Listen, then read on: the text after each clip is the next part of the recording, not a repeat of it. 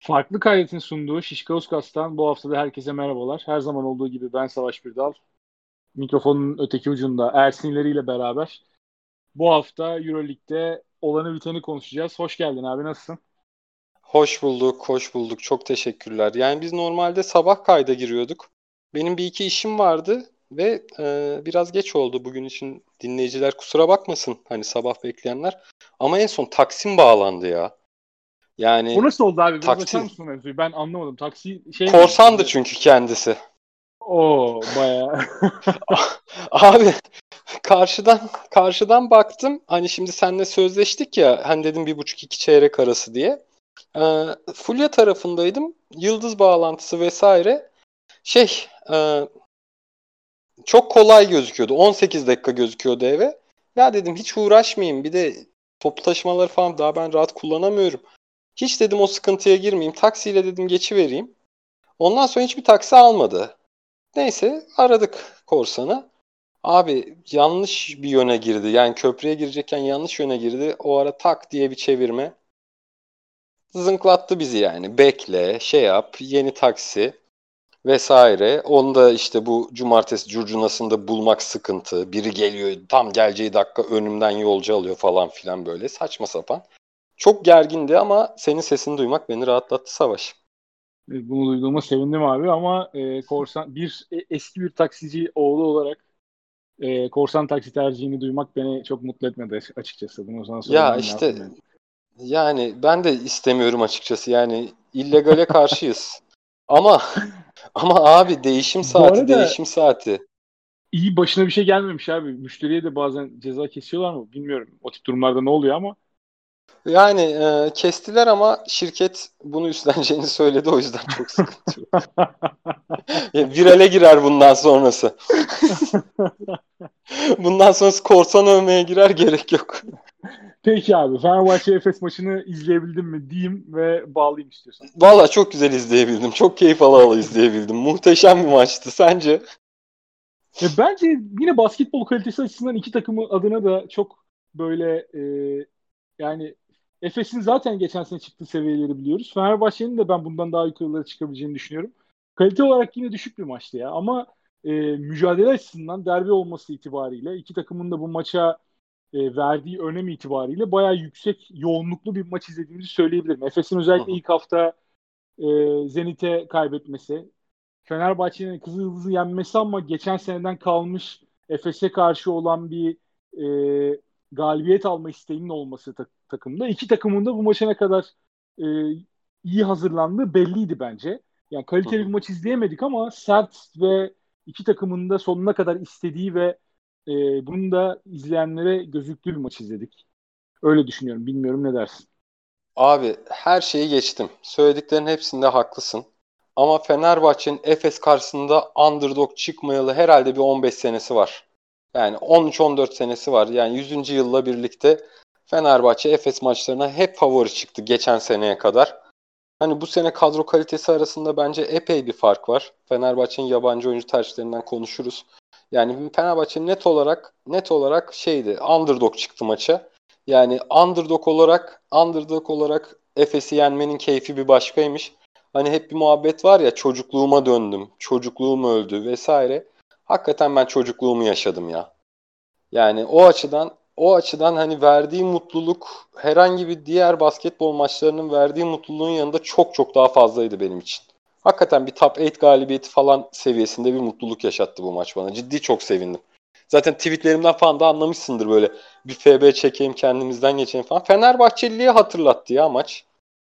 O taraftar ruhunu çok net bir şekilde ortaya koydurdu. Yani sağ olsunlar. Güzel bir galibiyetti. Keyifli. Hani basketbol kalitesi düşük ama keyifli bir maçtı.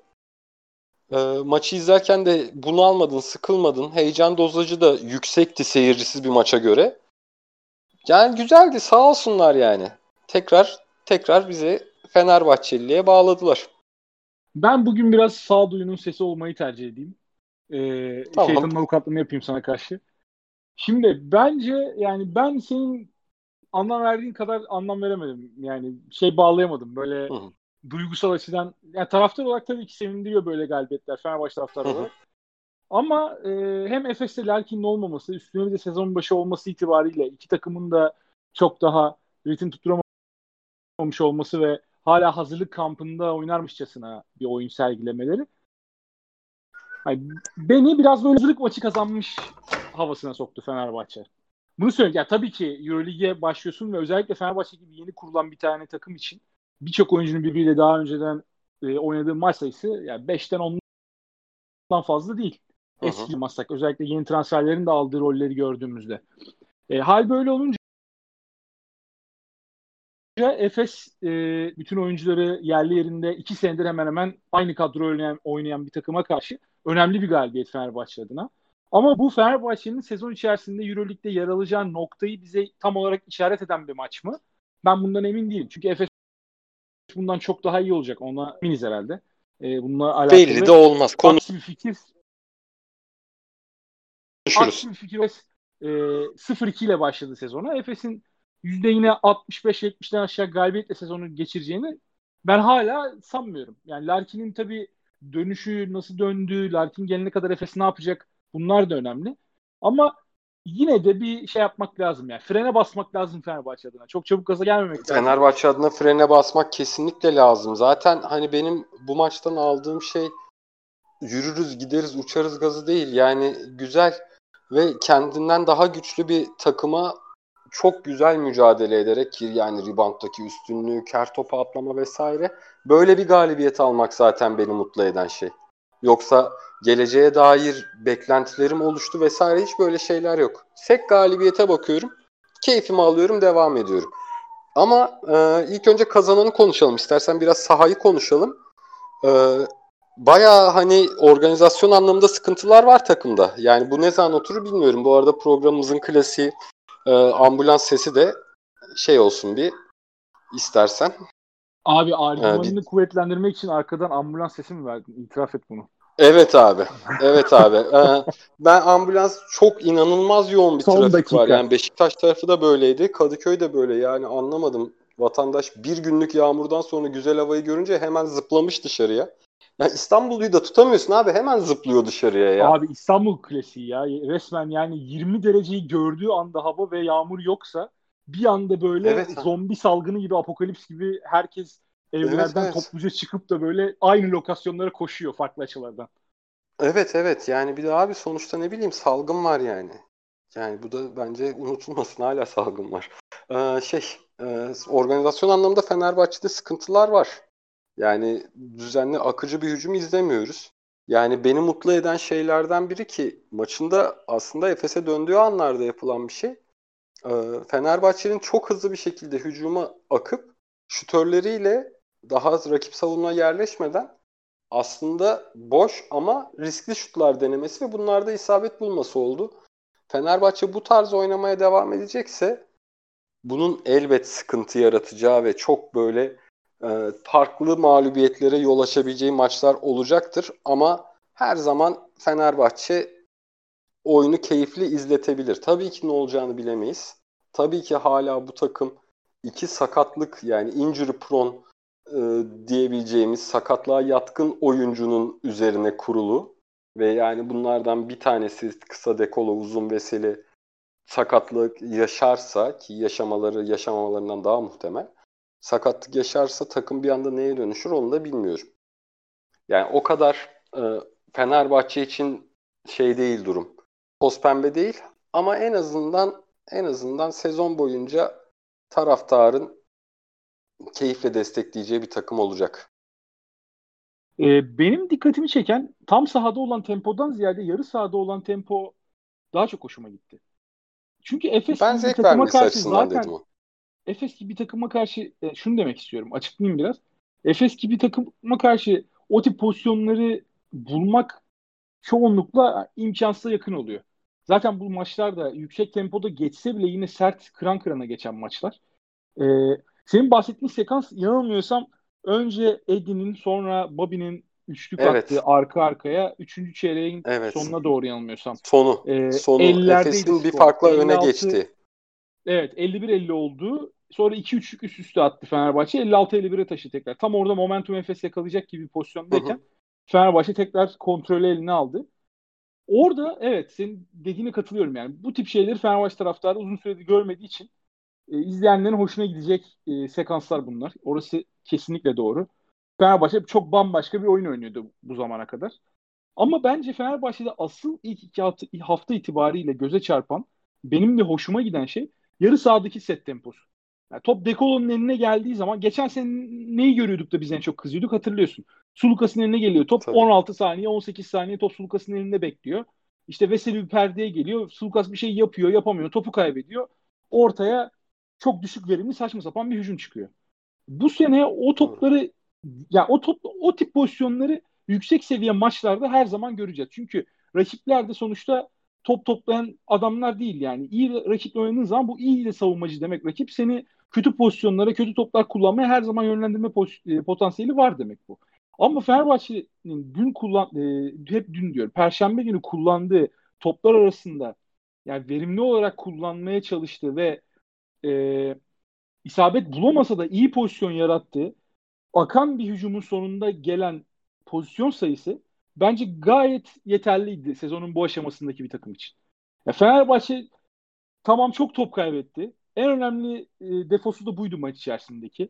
Fenerbahçe ile alakalı bahsedebileceğimiz negatif bir numaralı madde. Top kayıplarının sayısı. 21 top kaybıyla bitirdi yanılmıyorsam Fenerbahçe maçı. Hı hı. Ama top kayıpları hep bu akan oyunun içinde geldi. Yani Fenerbahçe topu çevirmeye çalışırken işte Dekolo mesela geçirse belki de bomboş bir üçlük pozisyon olacak bir topta. Bel arkasından behind the back bir pas atmaya çalıştı. Topu dışarı attı işte atıyorum. Veya o tip riskli paslar da geldi.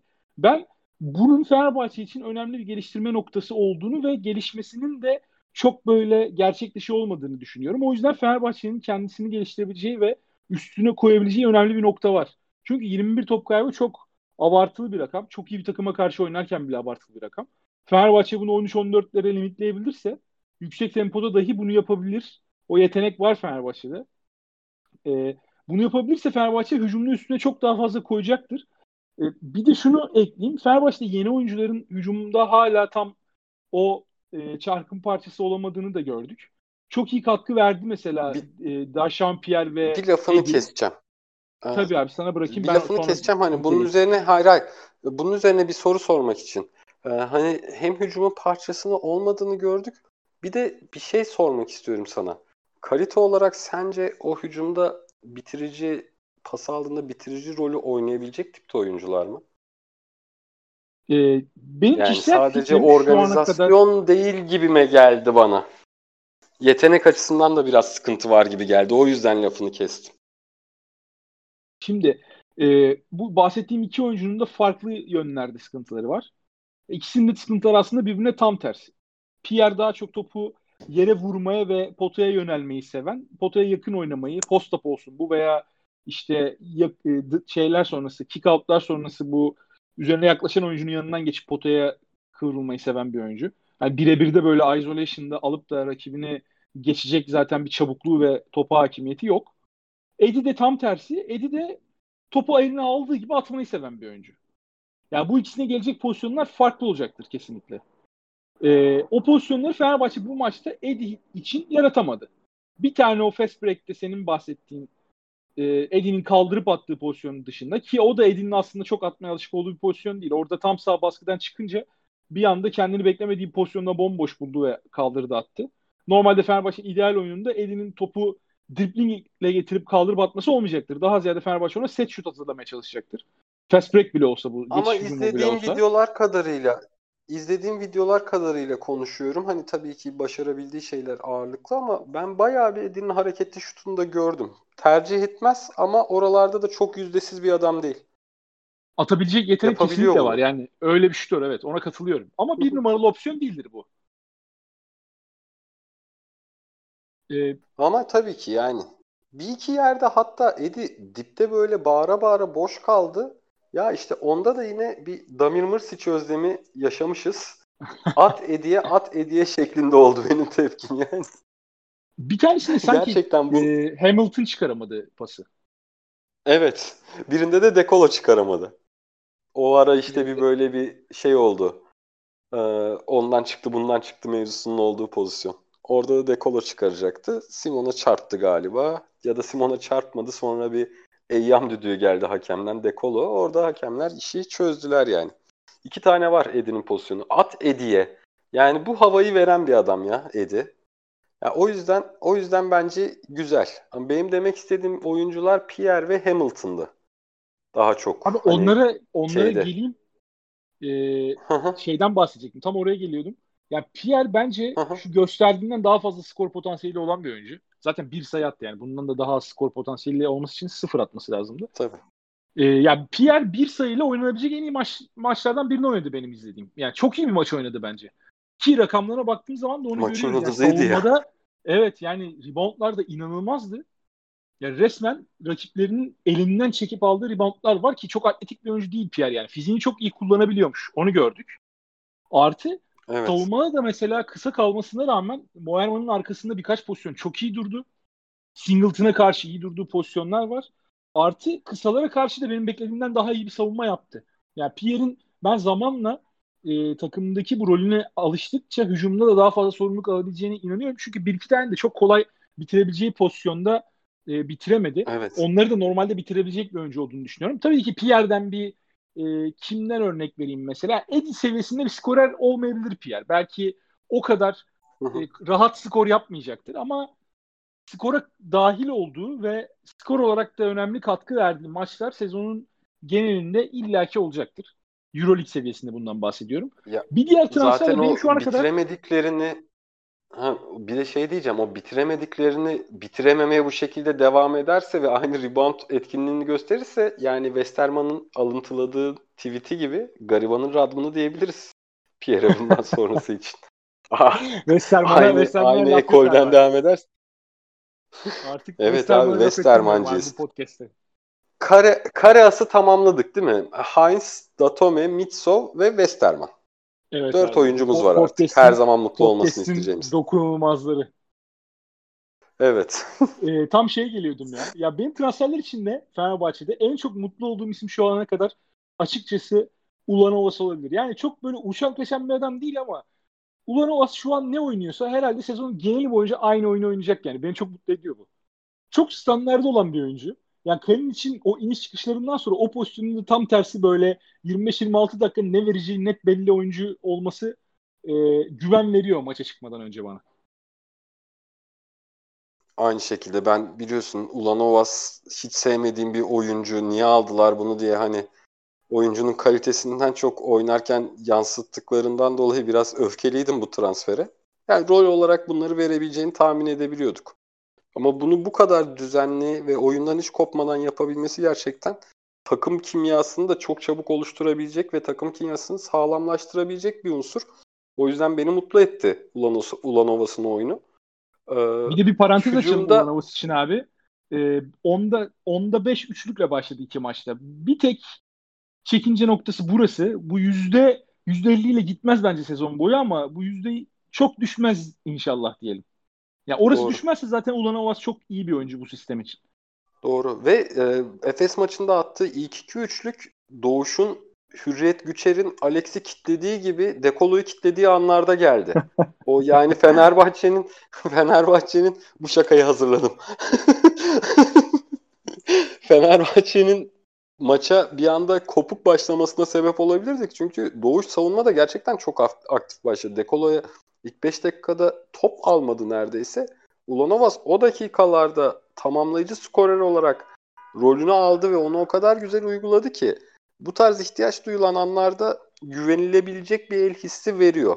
Şut stilinin şut stilini görene kadar ama tabii yani. Ver ulan ovası diyorsun. Şut stilini görüyorsun. Ulan vermese miydik diyorsun. Yani o stil gerçekten insanı yoran bir stil. Ama yapacak bir şey yok. Yani saha içinde verilenler şut stilinin kötülüğünü çok çok rahatlıkla örtüyor ya. Abi her iyi takıma bence öyle yamuk şut atan biri lazım ya. Benim hoşuma gidiyor valla.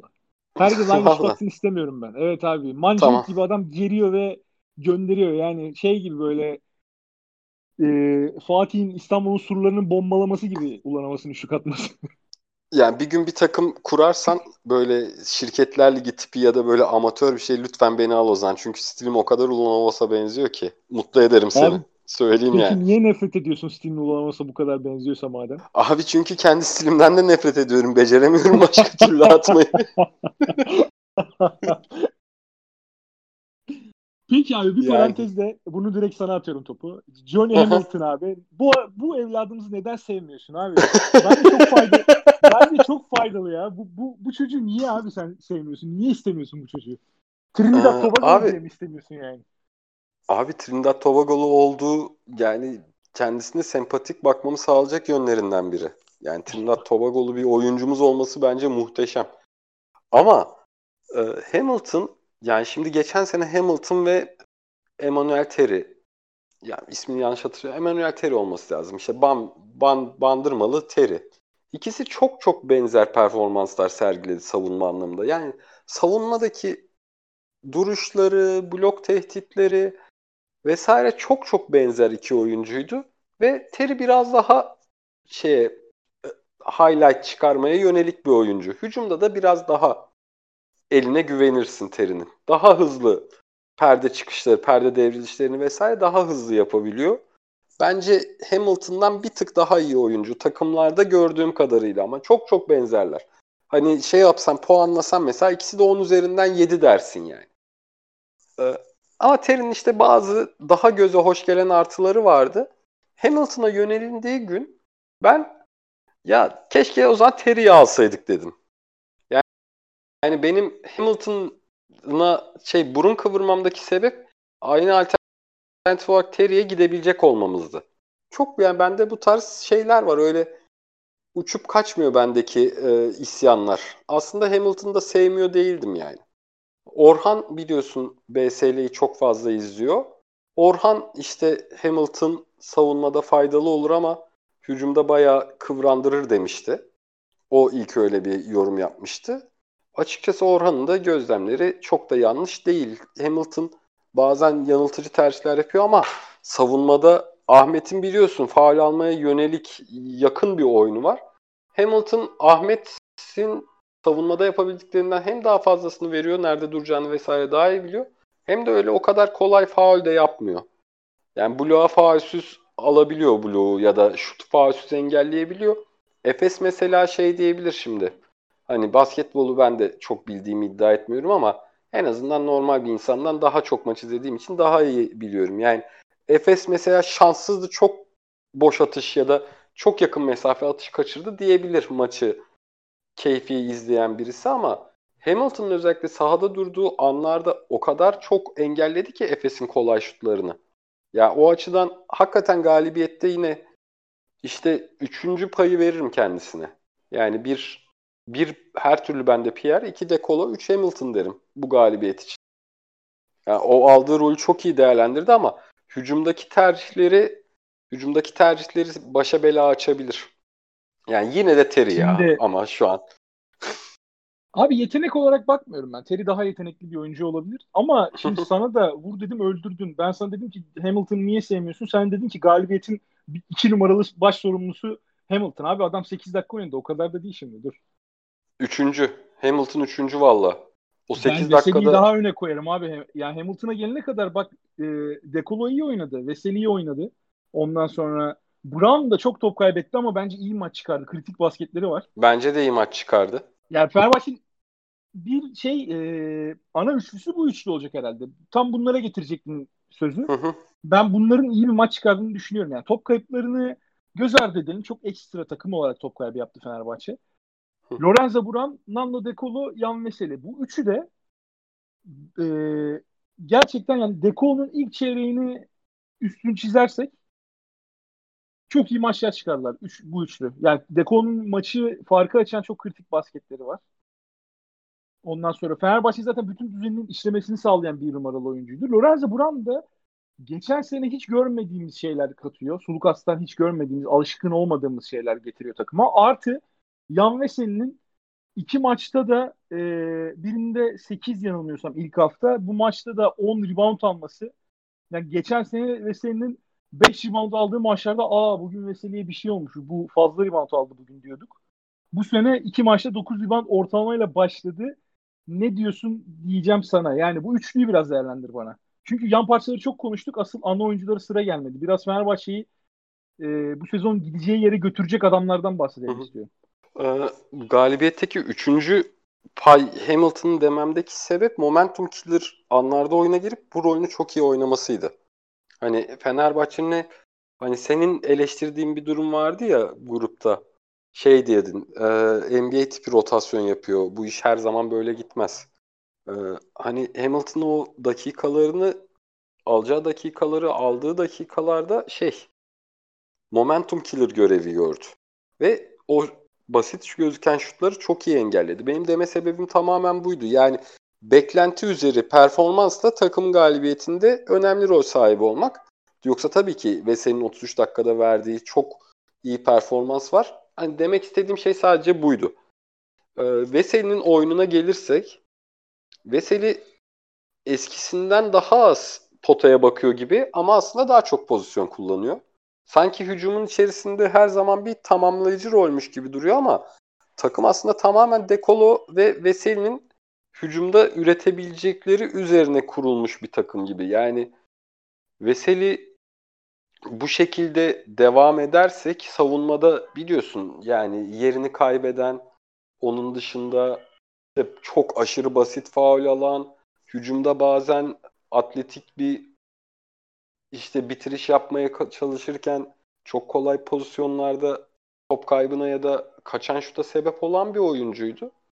Ama Veseli şimdi ya şöyle diyeyim hani oyuncu tipi olarak farklı ama hücumda Ekpe'nin ikinci yani Ekpe'nin o şampiyon olan senin ikinci yarısında verdiği güveni vermiyor mu?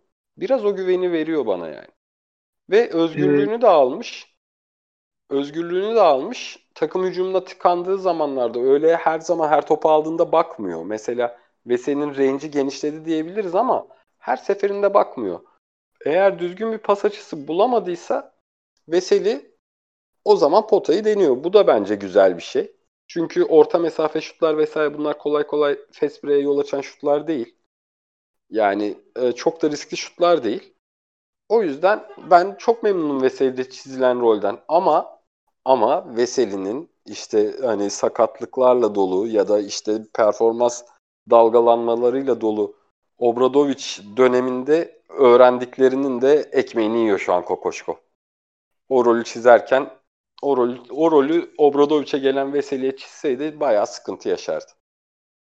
Veseli biraz daha ayakları yere basarak oynamaya çalışıyor gibi geliyor bana. Atletizm azaldıkça artık o da farkında eskisi gibi uçup kaçamayacağının ve biraz daha akla ve e, oyun bilgisine dayandırarak bir şeyler koymaya çalışıyor sahada gibi sanki.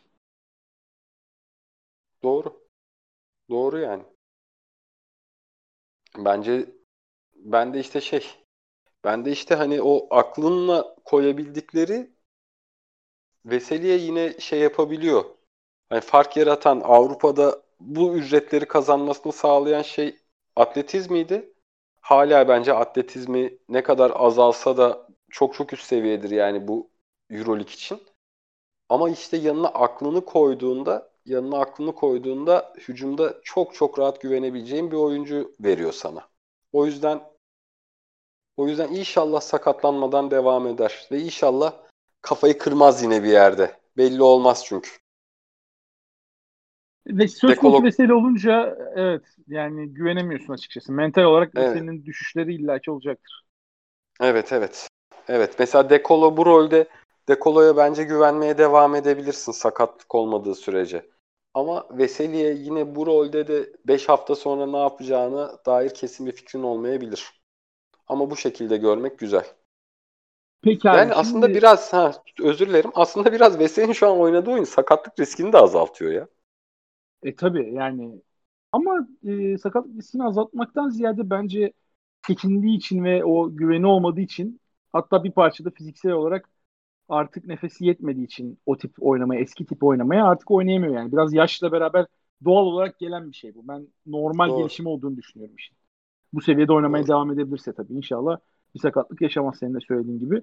Şey, şey mevzusuna dönecektim abi. Bu rebound mevzusu zaten maç boyunca e, bütün sosyal medyadaki ve yayındaki konuşmayı da domine eden mevzu oldu haliyle. Fenerbahçe 48 rebound aldı. Kulüp Euroleague ee, rekorunu kırdı. Şimdi Efes'e de bakıyorum. Efes 2'ye katlamış Fenerbahçe. 24 rebound aldı Efes. Maç sonrasında ben dinlerken Kokoşko'nun basın toplantısını. E, orada ilginç bir şey söyledi Kokoşko. Dedi ki bizim hazırlık dönemi boyunca reboundlar hep aşil topuğumuz oldu. Yani biz bunun üstüne çalışmaya çalışıyorduk. Bu maçta bu performansı görmek beni memnun etti dedi. Şimdi e, dün böyle bir performans gelince tabii haliyle Fenerbahçe ile alakalı işte herkes zaten iyi rebound yorumları oldu ama bu sezonki maçlarda Fenerbahçe şu ana kadar bunu sergileyememişti. Önceki maçı da bakıyorum mesela Euroleague maçına Fenerbahçe Kızıl Yıldız'a karşı rebound mücadelesini kaybetmiş. Kazandığı bir maçta. Yani Kızıl Yıldız'ın daha fazla şut kaçırdığı bir maçta. Fenerbahçe hem Kızıl Yıldız'dan daha az hücum ribandı almış hem daha az savunma ribandı almış. Total ribandlarla da 38'e 33. Yani hani bu maçtaki kadar ezici bir şey yok ortada. E, eşitsizlik yok ortada. Ama yine de Fenerbahçe rakibine karşı büyük bir üstünlük kuramamış.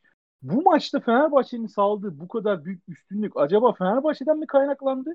Yoksa Efes'in rebound e, problemi mi çekeceğini söyleyebiliriz sezonun geri kalan kısmında? Bu benim aklıma gelen sorulardan bir tanesi oldu. Sen ne dersin? Valla valla Fenerbahçe ilk olarak sahaya Efes'i yenebilmek için maksimum efor koyması gerektiğini bilerek çıkmış. Yani bu rebound dominasyonunun en birinci sebebi bence sahadaki uygulanan ekstra fiziksel efor. Yani onu ilk sıraya yazarım.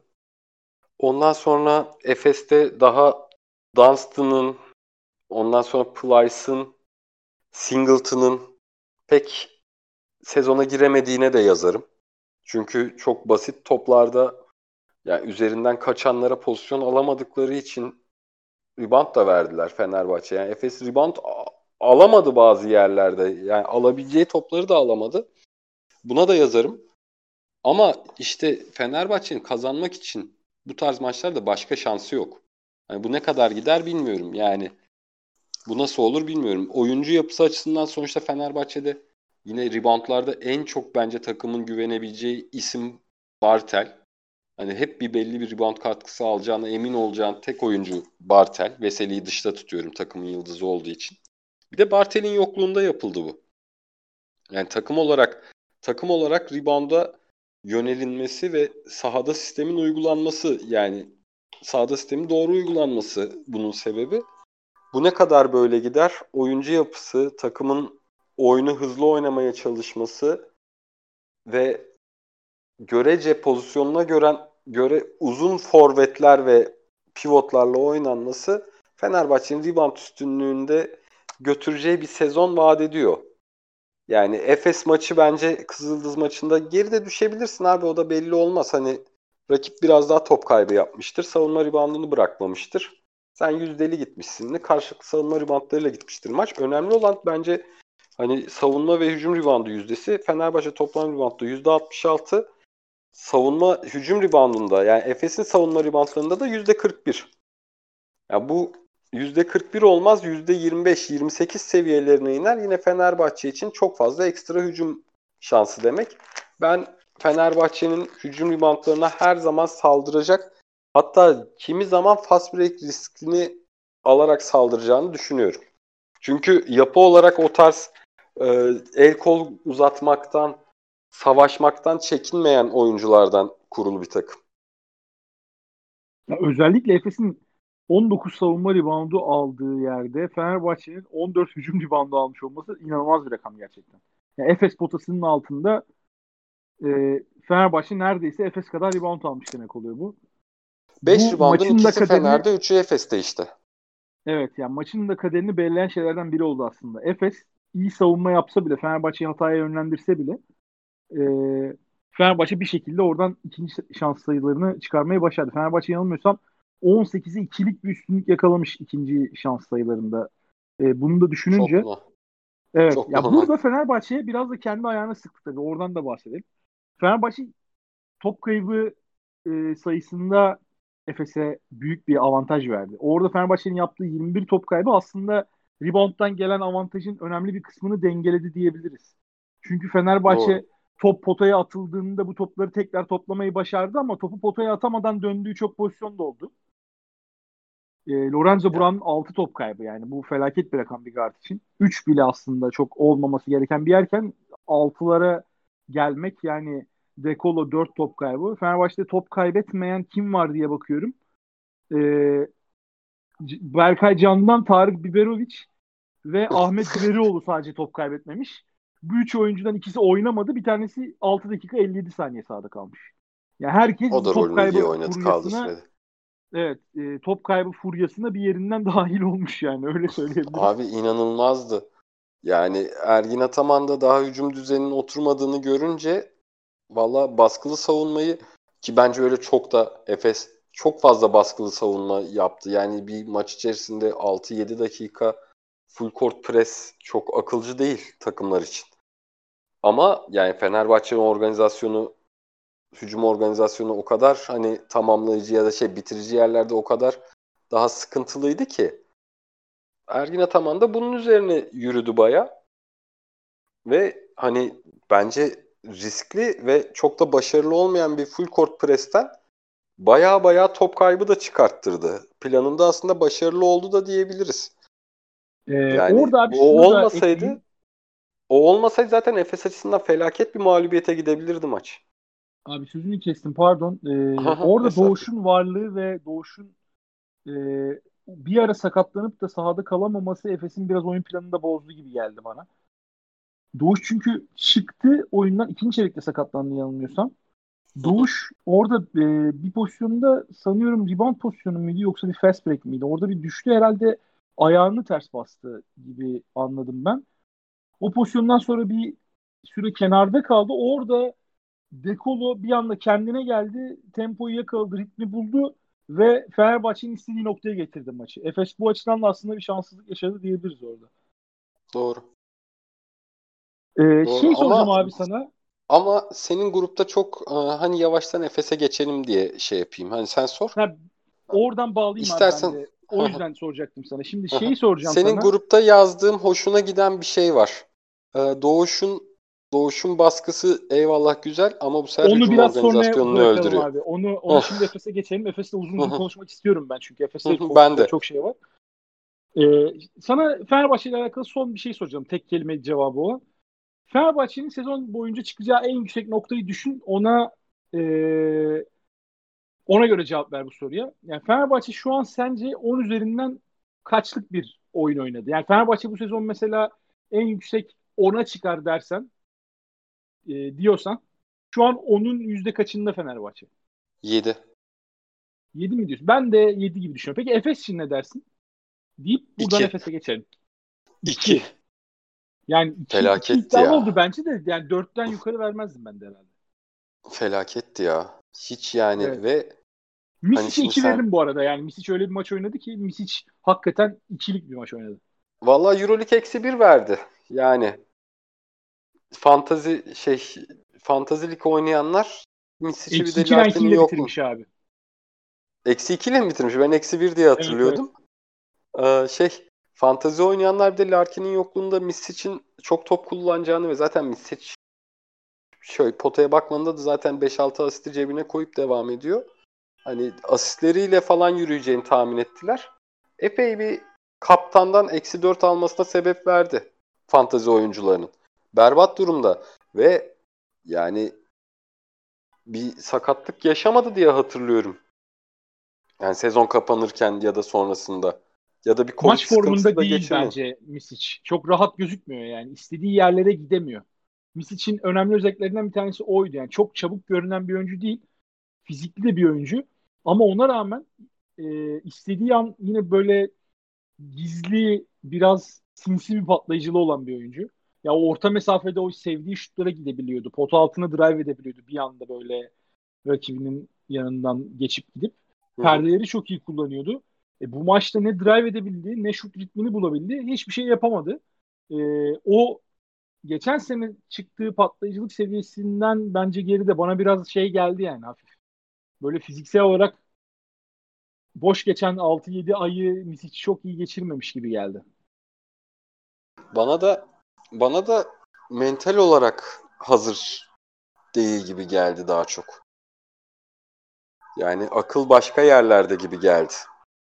Ha, o, o, o ayrı bir mevzu. Orayı bilmiyorum tabii. Şimdi akıl başka yerde derken hani NBA falan mı? Ondan mı bahsediyorsun? NBA olur. NBA olur. Ne bileyim belki işte Larkin'in yokluğunda Ya da Larkin'in varlığındaki rolü çok beğenmiyor da olabilir. Bilmiyorum. Bilmiyorum yani. Ama geçen şey sene çok oturmuştu o ikili dinamik ya. Tekrar bir problem olur mu? Ben zannetmiyorum ama. Ya ben de ama işte bilmiyorum mesela şu an hani bu 6-7 aylık off-season döneminde ne oldu, ne yaşandı? Belki sağlam bir teklif aldı. Belki Philadelphia'dan free, free agency dönemini beklemesine dair bir telkin aldı. Ya Bilmiyorum. bunları tabii Pek- şimdi spekülasyon yapmayalım bence ya. Çünkü bilmiyoruz. Hı hı. Biraz haksızlık oluyor. Ben şey de söyleyeyim abi. Yo basket kafa yoruyorum sadece. alakalı. Mental mental sıkıntısına kafa yoruyorum sadece. Ya da saha dışı bir problem de olabilir abi. Onu da bilmiyoruz. Ee, Hani kendisiyle, ailesiyle. Bir şey söyleyebilir miyim? Hı. Ee, ben benzer bir konuda Larkin'e söylenen bir laf gördüm de Twitter'da. Çok takipçili, çok insanı takip ettiği bir şimdi isim vermiyorum. İşte Larkin, e, Eurohops'ta bir haber çıktı. Larkin 30 Ekim'de yanılmıyorsam Olympiakos maçıyla tekrar dönmüş olacak diye. Olympiakos maçında oynayacak diye sanıyorum. Ergin Ataman söylemiş bunu da zaten. Evet. Ee, işte Larkin Ekim'in sonunu bekliyor çünkü 18 Ekim'de NBA Free Agency periyodu açılıyor. Larkin belki de hiç dönmek istemiyor gibi bir laf gördüm Twitter'da. Yani şunu söyleyeyim. Bu bir kere yalan. Çünkü NBA'deki Free Agency periyodu ertelendi. Yani Kasım'dan önce başlamayacak son verilen habere göre. Draft bile Kasım'da. Zaten NBA'de Free Agency drafttan sonra gerçekleşen bir şey. Öyle bir durum söz konusu değil yani. Öyle bir hani mevzu olduğunu zannetmiyorum. Ben böyle bilip bilmeden de fazla sallamaya gerek yok yani. Biraz Doğru. açıkçası ayıp oluyor diye düşünüyorum. E, Larkin muhtemelen yani Larkin'le Ergin Ataman arasında bu konuda bir anlaşmazlık var gibi duruyor. Sen de öyle söylemiştin geçen hafta yanılmıyorsam. Evet. Ee, çünkü Ama Ergin Ataman içine böyle yani bayağı düpedüz yalan karıştırmamak lazım. Evet evet benimki de hani benimki de öyle yalan ya da işte böyle ben sevmiyorum zaten böyle polemikleri biliyorsun hani bazen bildiğimiz şeyler oluyor. Sağ dışında onları bile konuşmuyoruz. Hani benimki sadece kafa yormaktı çünkü pek aklım almadı yani. Yok, kafa hep başka abi, yerde burada- gibiydi. Biz burada bunu söylüyoruz zaten. Hani biz fikir yürütüyoruz diye bunu söylüyoruz ama böyle Hı. gerçekten bir şey biliyormuş gibi de hem de yanına böyle yalandan bilgi karıştırıp da bunu böyle sanki duyunmuş gibi verdiğin zaman o başka bir şey yani. Aynı şey değil. Bizim Tabii, burada tabii. zaten samimiyetimiz belli o açıdan. Tabii. Yani çok ekstra bir sıkıntısı. Yani çünkü akıl başka yerde gibiydi. Ve ya benim Efes'e dair aklımın almadığı bir şey var. Şimdi e, Covid vakalarından kaynaklı Efes'te işte Boboğan'la oynamadığı dönemler oldu, Buğra'nın oynamadığı dönemler oldu, Muayerman yine. Ama Efes çok fazla hazırlık maçı yaptı ve aslında bence Eurolig'e maç ritmine sonuçta şu anda Larkin'siz takım. Maç ritmine ulaşmış bir takım olarak girdi bence. Çünkü 7-8 yani benim hatırladığım Efes'in yaptığı hazırlık maçları ve bunlar dar periyodun içinde. Ee, bu durum varken bu durum varken takım hücum anlamında çok organizasyonsuz gibi geldi. Singleton geçen sene hani sen diyordun yani mesela senin Singleton'a dair hep söylediğin bir şey vardı aklımda. O bir gün kontağı kapatır diyordun hep. Ya Abi ben, ki kontratı yani- aldıktan sonra da söyledim bunu bu arada. Yani tweet atmıştım yanılmıyorsam. Yani benim kafamda Singleton'la alakalı hep bir soru işareti var. Yani sezonu da çok kötü başladı gerçekten. Olacak gibi değil. Geldiği dönemdeki gibi Singleton gibi başladı. Yani Panathinaikos'taki son dönemindeki Singleton gibi başladı. O Efes açısından, açısından biraz e, düşündürücü bence. Yani umarım Singleton bu seviyelerde oynamaya devam etmez. Yani ben korktuğumu söylüyordum. Yani Hı hı. Singleton e, gerçekten yani kariyerinin belli dönemlerinde çok düştüğünü mental açıdan gördüğümüz bir oyuncu. O yüzden söylüyordum bunu. Ya ama uma- umarım böyle devam etmez. Şimdi yeni kontrat da aldı Efes'ten. Oradan da benim kafamda bir soru işareti vardı. Göreceğiz bakalım. Yani Ergin Ataman'ın da çok hoşnut olduğunu zannetmiyorum bu durumdan. Çünkü birkaç pozisyonda Singleton'ı anında sahadan çekip Muayerman'ı koydu oraya ki Muayerman da zaten 31 dakika oynamış. E, Singleton 8,5 dakika oynadı bu maçta. Efes'in Efes'in hücumda hani Muayerman ve Singleton'dan geçen sene çok çok iyi katkı aldı. Yani skor anlamında, oyuna katkı anlamında, pas kanalı olması anlamında vesaire. Çok fazla katkı aldı. Ama Muayerman'dan geçtiğimiz senelerde atıyorum maç başı iki post hücumu varsa bu maçta bir ara sadece Muayerman'ın sırtı dönük oyunlarıyla hücum etti Efes. Hani arkasında Pierre'in durduğu anlar oldu. İşte Hamilton bir sıkıştırdı çizgi oyunun şey e, çizgiye pas vermek zorunda kaldığı Doğuş'un hani riske edildiği anlarda Muerman'ın yine yüklenip başaramadığı ve Doğuş'a pas çıkarıp oradan şut denediği Efes hücumları oldu. Ama Efes'in hücumunda Muerman'ın rolü bu kadar sırtı dönük katkı alacağım bir rol değildi. O beni biraz şaşırttı. Dunstan yine tamamlayıcı olarak perde devrilmelerinden perde devrilmelerini gerekirse potaya yakın orta mesafe şutlarla bitiren bir roldeydi. Bunları hiç görmedik. Misic yani bazen riskli paslar deneyip asist sayısını arttırırdı. Hücumda hiç o tarz paslar denemeden bombaladığı zamanlar oldu. Ya bu kadar çünkü şey değil yani birbirini tanımayan adamlar değiller. Bu yüzden garip zaten. Yani bu yüzden ne olabilir diye düşündürüyor. Takımın en azından ortaya koyduğu oyun başarılıydı. Ve bu bence sadece Larkin temelli de değildi Efes'in geçen seneki başarısı. Bu sadece Larkin temelli de değildi Efes'in bu başarısı ve yani oyun akarken nasıl bu kadar kontak kapatır hale geldi ben ona biraz şaşırıyorum. E, Efes de o top dolaşımı sağlanamayınca Misic'in oyunu yönetmekle alakalı aldığı aksiyonların da hiçbir sonuç getirmeyince Misic de maçı bir asistle bitirdi. Efes'te bu açıdan verimli diyebileceğimiz oyunu ortaya koyan tek isim Simon'du belki de. Yani topu yönlendiren isimler arasında Efes'te. Topu yönlendirmesine alışkın olduğumuz isimler arasında. Simon haricinde Efes kimseden bir şey alamadı. Hatta e, Doğuş bile bu açıdan Misic'den daha iyi bir maç çıkar diyebiliriz. Çünkü Doğuş da maçı 5 asistle bitirdi ve sahada olduğu dönem boyunca belki klasik anlamda anladığımız bizim top yönlendiriciliğini yapmadı. Hani pick and roll oynayıp da orada e, köşedeki şütörleri bulmadı veya uzuna topu indirmedi ama Doğuş da mesela birkaç pozisyonda top dönerken o son asisti yapan adam olarak bayağı iyi iş çıkardı yani. Köşede mesela Simon'u bulduğu bir tane pozisyon var. Benim çok net hatırladığım orada Simon'a bomboş bir tane üçlük attırdı. Ee, rakamlara da baktığım zaman yani burada Simon ve Doğuş dışında Efes'te topu döndürmeye ve takımı işin içine dahil etmeye yönelik iyi iş çıkartan kimse e, olduğunu söyleyemiyoruz. Çünkü Efes 15 asistle bitirdi maçı. Yani 10'unu zaten Doğuş'ta Simon yapmış. Burada Misic gibi çok önemli Doğru. rol düşen bir oyuncudan hiçbir şekilde Efes katkı alamadı. Yani burada Larkin de yokken Misic'in bu rolü sorumluluğu tamamıyla üstlenip e, takımını açıkçası ve yanında oynayanları bir kademe yukarı kaldırması gerekiyordu diyorum ve e, şunu söyleyeyim artık Simon'la alakalı herhalde söyleyecek olumlu sözlerimiz tükendi galiba. Yani daha fazla ne olumlu söyleyebilirim Simon'la ilgili onu merak ediyorum. Bu yaşta bu oyunu istikrarlı bir biçimde artık hani acaba düşer mi denilen noktada bile devam ettirerek ki sonunda o, soktuğu o şut aslında Simon'un da e, kariyerinde geldiği noktanın özeti herhalde. Ya. Yani hiç beklenmedik anlarda beklenmedik şutları bile sokan bir Simon görünü, görüyoruz artık sahada. 35 yaşına geldi Simon ve bu yaşta bu seviyeye çıkmış olması sürekli her sene neredeyse üstüne koyması gerçekten takdiri hak ediyor ya. Simon'u 5 sene önce izlerken ben Simon'un bugün bu seviyede basketbol oynayacağını düşünmüyordum ya. Onu net bir şekilde söylemem Yok. lazım ya.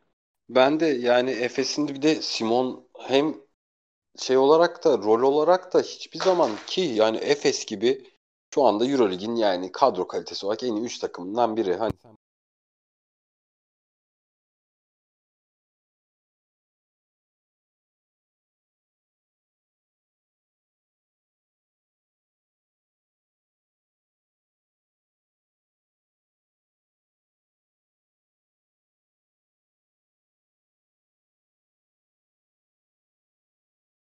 ya Efes adına.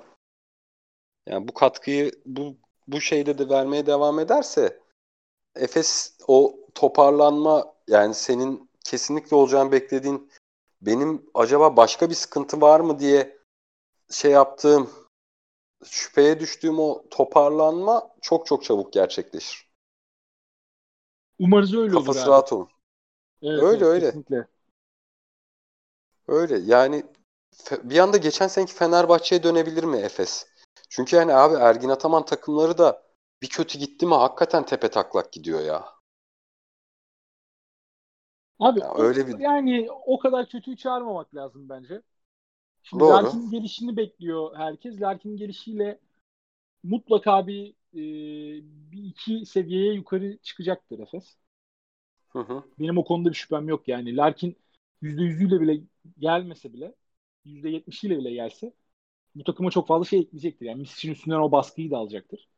Efes bu sayede bence e, yani Final Four adaylarından biri olarak sezonu devam ettirecektir. Ama benim Efes'le alakalı en büyük çekincem yine demin bahsettiğim yan oyunculardaki, rol oyuncularındaki beklenmeyecek düşüşler.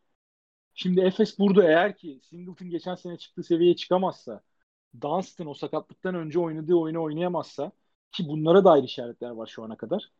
Ee, işte Tibor Plyce'dan sen o verimi alamazsan geçen sene aldığın.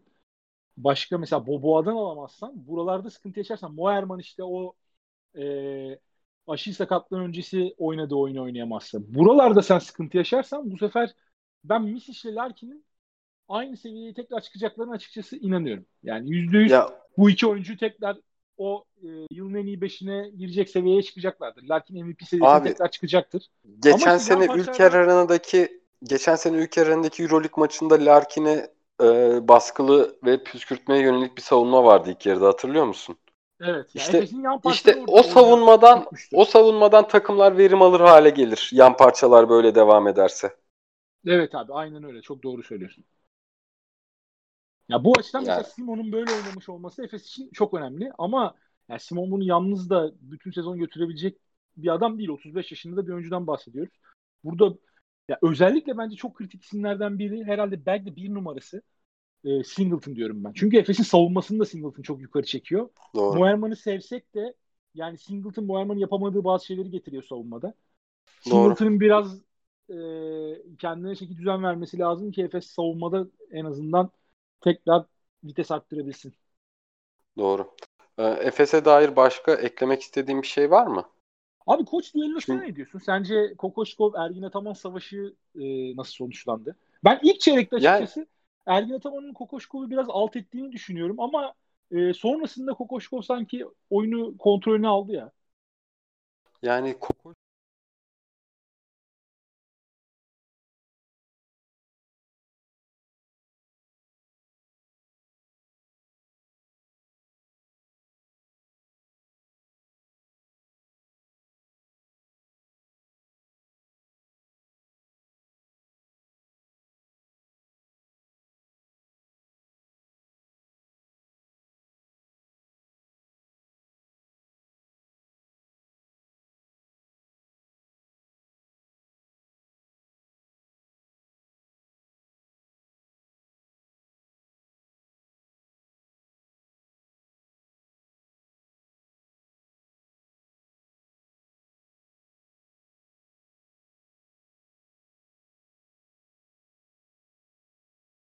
O yüzden onu pek bir rekabet gibi görmedim daha.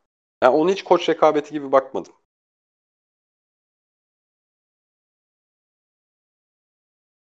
Yani ben abi açıkçası o ilk çeyrekteki e, şeyi çok beğenmedim Kokoşkov adına. Mesela. E, Fenerbahçe bir beşle e, sahada bulundu ya. E, Dixon işte yanında Dekolo sonrasında Aha. kim vardı başka? E, Eddie, Eddie, Pierre. Eddie, Pierre.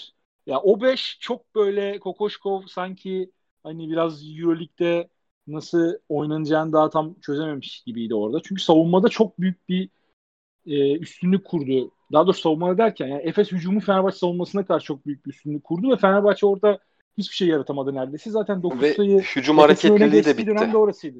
Evet, aynen öyle.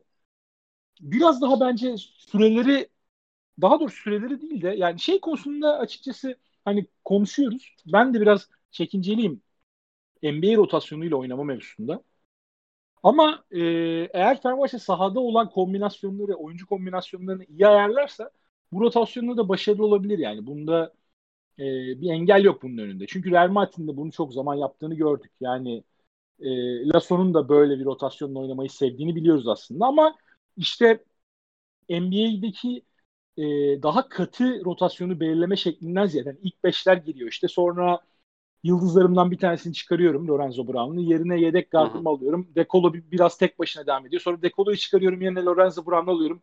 Lorenzo biraz biraz Lorenzo Brown biraz tek başına devam ediyor gibi böyle hani e, taşa kazınmış bir sistemle oynamaktan ziyade şey olabilir. Yani biraz daha böyle anlık hamlelerin sayısı artması gerekebilir.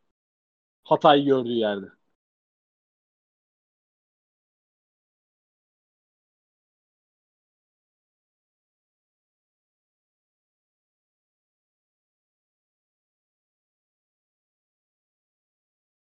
Kokoşkov, arada bir sıkıntı yani... Heh, arada bir sıkıntı oldu da savaş tekrar Kokoşkov'dan devam edelim. Ee, Kokoşkov yani biraz daha anlık müdahalelerin sayısını arttırmak zorunda kalabilir sezonun ilerleyen dönemlerinde. Çünkü e, maçın gittiği anlarda bu maçtaki kadar şanslı olmayabilir Fenerbahçe. Efes orada geçen seneki Efes olsa mesela ilk çeyrekte o 9 sayılık fark yakaladıktan sonra basıp gidebilirdi de yani. Maç 15'e de gidebilirdi. Bu açıdan biraz Fenerbahçe şanslıydı. Kokoşkov'un o açıdan e,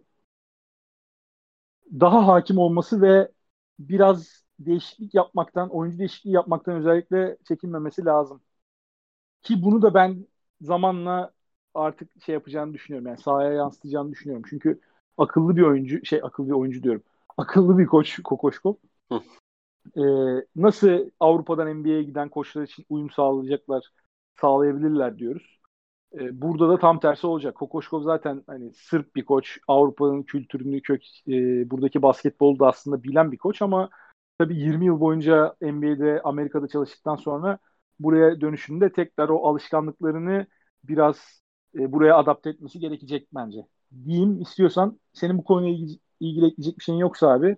Yani e, ben onu çok rekabet olarak görmedim. Senin işte mesela anlık müdahaleler vesaire düşüncesinde şeye koça bu şekilde saygı duyum şey yapıyorum. Bu şekilde destek çıkacak bir yorumum var. 34 maçlık bir sezon ve e, kendine tamamen bir takım düzeni yaratıp aynı zamanda bir yandan da takımın da ve rakiplerin de saha içinde tanırken kendini o yönde de şey yapabilir, kanıtlayabilir ligin bundan sonrasında. Abi haftanın kazananlarına kaybedenlerine kısaca bir değinelim istiyorsan. Herhalde haftanın kaybedeni ben, Rus ben, takımları diyebilir miyiz abi Covid açısından abi, baktığımız zaman? Ben derbiyi konuşalım, Atina derbisini konuşalım diyordum ama yani Panathinaikos'un bu kadro kalitesi. maçtı ya. Evet abi de Panathinaikos'un bu kadro kalitesi yani herhalde çift tane galibiyeti görmese şaşırmam ya. Berbat. Abi Panathinaikos'u konuşmasak daha iyi herhalde. Yani Nedovic'i özellikle. Evet evet. Evet evet yani ve o Nedovic şu an takımın ana skoreri gibi. Yani çok acayip ya. Papayannis ve hani Papa Petru'nu da severim ben oyun tarzını. Papayannis ve Papa Petru hariç şeyde Panathinaikos'ta olumlu görülebilecek hiçbir şey yok koç dahil. Abi Papa Petru en iyi oyuncusu olan bir takımdan bahsediyoruz galiba yani. Kadroya baktığım evet. zaman ben daha iyi bir oyuncu göremiyorum. Evet oyuncu kalitesi olarak en iyisi Papa Petru herhalde. Yani e, haftanın, yazık ya. Abi haftanın diğer yani en büyük sürpriz haftanın herhalde Valencia'nın deplasmanda Real Madrid'i dümdüz etmesiydi. Real Madrid'de iki hafta iki mağlubiyet biraz alarmlar çalmaya başladı. Özellikle de Campazzo NBA'ye giderse söylendiği gibi Real Madrid dış yaratıcı konusunda çok büyük sıkıntı yaşayabilir. Ve şu an Campazzo'lu halleri de çok iç açıcı durmuyor. Yani Valencia resmen üzerlerinden geçti. Öyle söyleyebiliriz. Yani sahada oynanan oyun, sahada oynanan oyun o maçı sürprizlikten çıkardı. Paramparça eden bir Valencia. İnanılmazdı. Ya 16 İnanılmaz ve... maç ama bir ara 20 küsürlerdeydi öyle söyleyeyim. Ve Real Madrid'de Real Madrid'de e, takım kadrosu açısından e, takım kadrosu ve oyuncuların yapısı açısından böyle bu kadar kolay dağılabilen, maçtan kopabilen bir takım, kopan bir takım değil. Yani Lul'un artık yaşlanması üstüne sakatlıkları, işte Campazzo'nun herkes tarafından gitti gözüyle bakılması yani şimdi şöyle biz buna biz buna şey deriz. Okan Buruk sakat şeyi Okan Buruk oyunu deriz. Hani Galatasaray 2001 şampiyonluğumuzda Fenerbahçe'nin 2001 şampiyonluğunda Okan ve Emre'nin transferleri kontratlı gidişini anlaştığı için çok sıkmadıkları söylenir ya. Yani Campazzo'da evet, Campazzo'da o sonuçta Campazzo hem oyun zekasının dışında bir yandan da savaşçı kimliğiyle de oynayan bir oyuncu.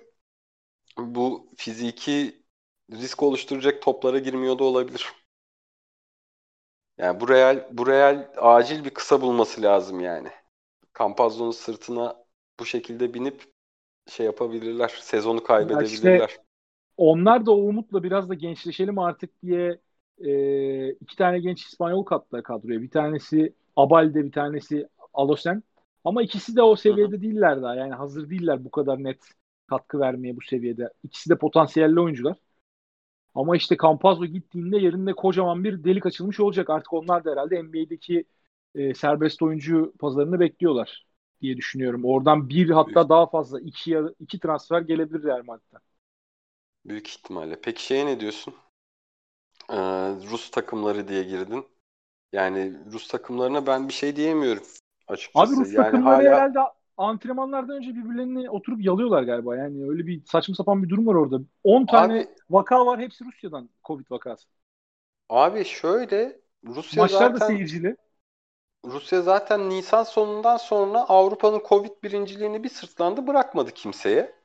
Hani biz de mesela yaz içerisinde Rusya yine hastalıkla çok boğuşurken Rusya'dan turist vesaire alıp hastalığı biliyorsun Antalya civarlarına da taşıdık. İşte Euroleague'de Rus hükümeti sonuçta hani onlar da yarı totaliter rejim. Hatta totalitere daha yakın bir rejim. Yani bir anda Putin bir iki sebepten dolayı maçlar seyircili oynansın istiyor olabilir liginde ve bu sağlanır. Ama Euroleague yönetimi Rusya'da hastalık bu kadar hala yoğunken, aktifken nasıl Rus takımlarının bu isteğini karşı çevirmiyor ve takımlarda bu kadar vakalar varken de de yani üstüne takımda bu kadar vakalar varken de nasıl bu isteği karşılıksız bırakmayıp maçları seyircili oynatıyor hakikaten garip. Yani burada yani bir tutarsızlık de var yani. Garip evet. Ya kim ki Zalgiris maçı da dün oynanacaktı mesela. Bugüne ertelenmek zorunda kaldı. Umarız uzun vadede hatta uzun da değil artık kısa vadede Rusya'daki bu mevzudan ötürü ligin genelini etkileyecek bir sıkıntı çıkmaz diyelim artık ve istersen Abi yavaştan testlerin tutarlılığı testlerin tutarlılığı da yok ya. Şimdi çift maç evet. haftası mesela. Yani bir anda iki, iki maçı üst üste tepe taklak götürebilirsin. Öyle sıkıntılar da var. Yani şu dönemde çift maç yapma haftası yapmak bayağı büyük delikanlılık be. Helal olsun yani hakikaten. Ya abi delikanlılık değil de biraz e, mecburiyet diyelim ona. E tabi yani. Yani biraz şey... da iş bilmezlik de var hafiften işin içinde. Yani biraz da biraz da bok yiyenlik de var diyelim. yani. istersen, istersen bu e, bu ithamın üstünde kapatalım programı. Kapattıracaklar. kapatalım kardeşim. Berto, Bertomeu gelip gelip kapattıracak programı. Siz bana nasıl kapatalım bok yiyen dersiniz. Kapatalım. kapatalım. Yani kayıtlarda şimdi çünkü bir saat falan uğraşacağım herhalde iki kaydı birleştirmeye. Beş gibi sağlamış olalım bu programı inşallah. İnşallah abi. Ee, o zaman bizden bu haftalık bu kadar diyelim. Haftaya çift maç haftasından sonra tekrar görüşmek üzere. Umarız bu sefer e, iki Türk takımı da haftayı en güzel şekilde geçerler. Bu haftaki Türk derbisinden sonra. E, haftaya görüşmek üzere. Hoşçakalın. Hoşçakalın.